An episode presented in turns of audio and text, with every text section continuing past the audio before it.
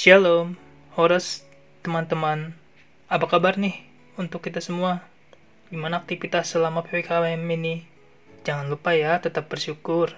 Dan jangan lupa jaga kesehatan, jasmani, dan tentunya kesehatan rohani juga.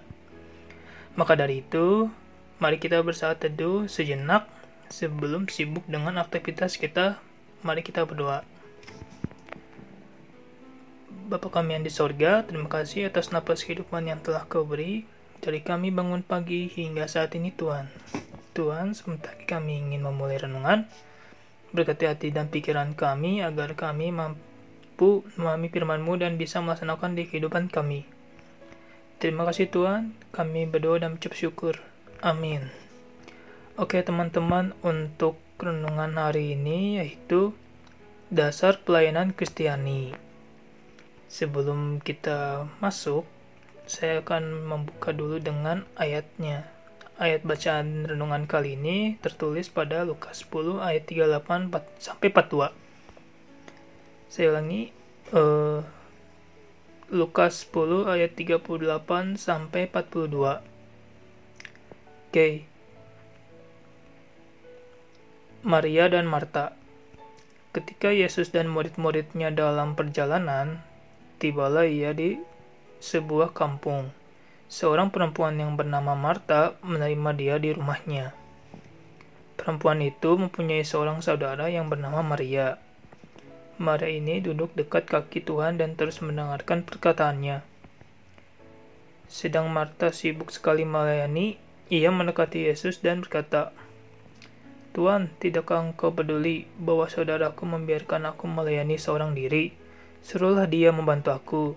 Tetapi Tuhan menjawabnya, Marta, Marta, engkau khawatir dan menyusahkan diri dengan banyak perkara, tetapi hanya satu saja yang perlu. Maria telah memilih bagian yang terbaik, yang tidak akan diambil daripadanya. Menurut teman-teman, sepenting apa sih kita melayani? Ayo, gimana nih? Sepenting apa sih? Oke, jadi melayani sangatlah penting dalam kehidupan. Melayani menjadi keutamaan dalam hidup sosial setiap manusia. Contohnya kita nih, melayani bisa di mana saja.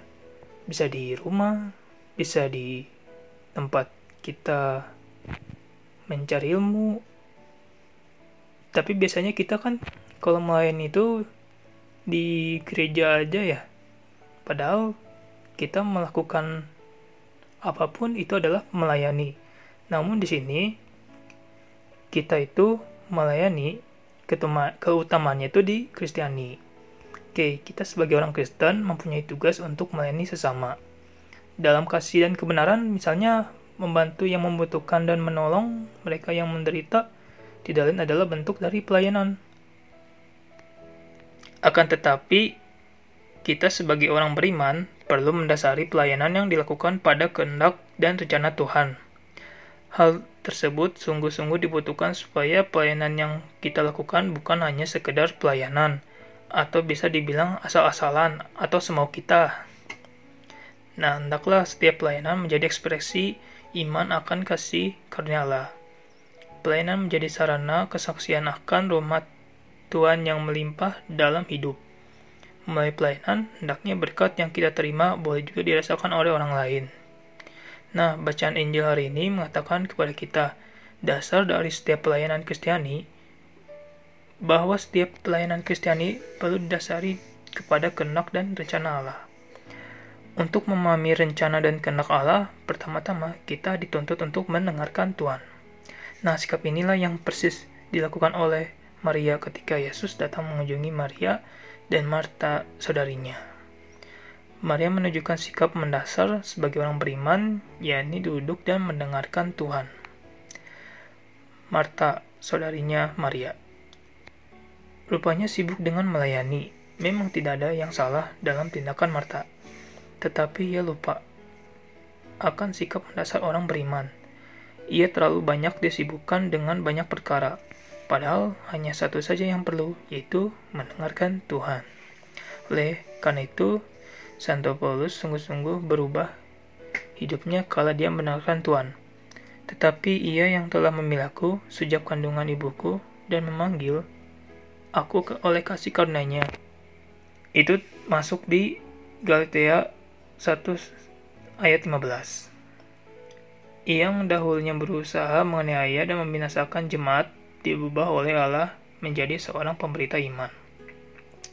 Demikian segala pelayanan dan tindakan kasih harus didasari kerendahan hati untuk mau mendengarkan Allah terlebih dahulu. Kita mampu memahami rencana dan kehendak Allah kalau kita mau untuk duduk dan mendengarkan Dia. Jika sudah mendengar, maka rupanya semua pelayanan tindakan kasih yang kita buat menjadi sungguh-sungguh, ekspresi iman hidup akan merahmat dan berkat Tuhan. Maka dari itu nih, mari kita melayani dengan merendahkan diri, mendengarkan yang Tuhan firmankan, dan melakukan pelayanan dengan hati yang tulus. Oke teman-teman, komitmennya nih, kita juga perlu dalam pelayanan yang harus kita lakukan di pelayanan kita di mana pun berada. Oke, semangat ya teman-teman. Mari kita bersatu dalam doa. Bapa kami yang di surga, terima kasih atas firman yang telah kau beri hari ini. Ya Tuhan, kami ingin kami sungguh menjadi alatmu dan pelayanan. Tuhan, ajarilah kami akan dalam kasihmu, sehingga kami boleh makin cinta denganmu lebih sungguh. Terima kasih Tuhan, kami berdoa dan mengucap syukur. Amin. Oke, sekian renungan hari ini. Terima kasih teman-teman, tetap semangat, tetap jaga protokolnya, sehat selalu. Horas. Shalom.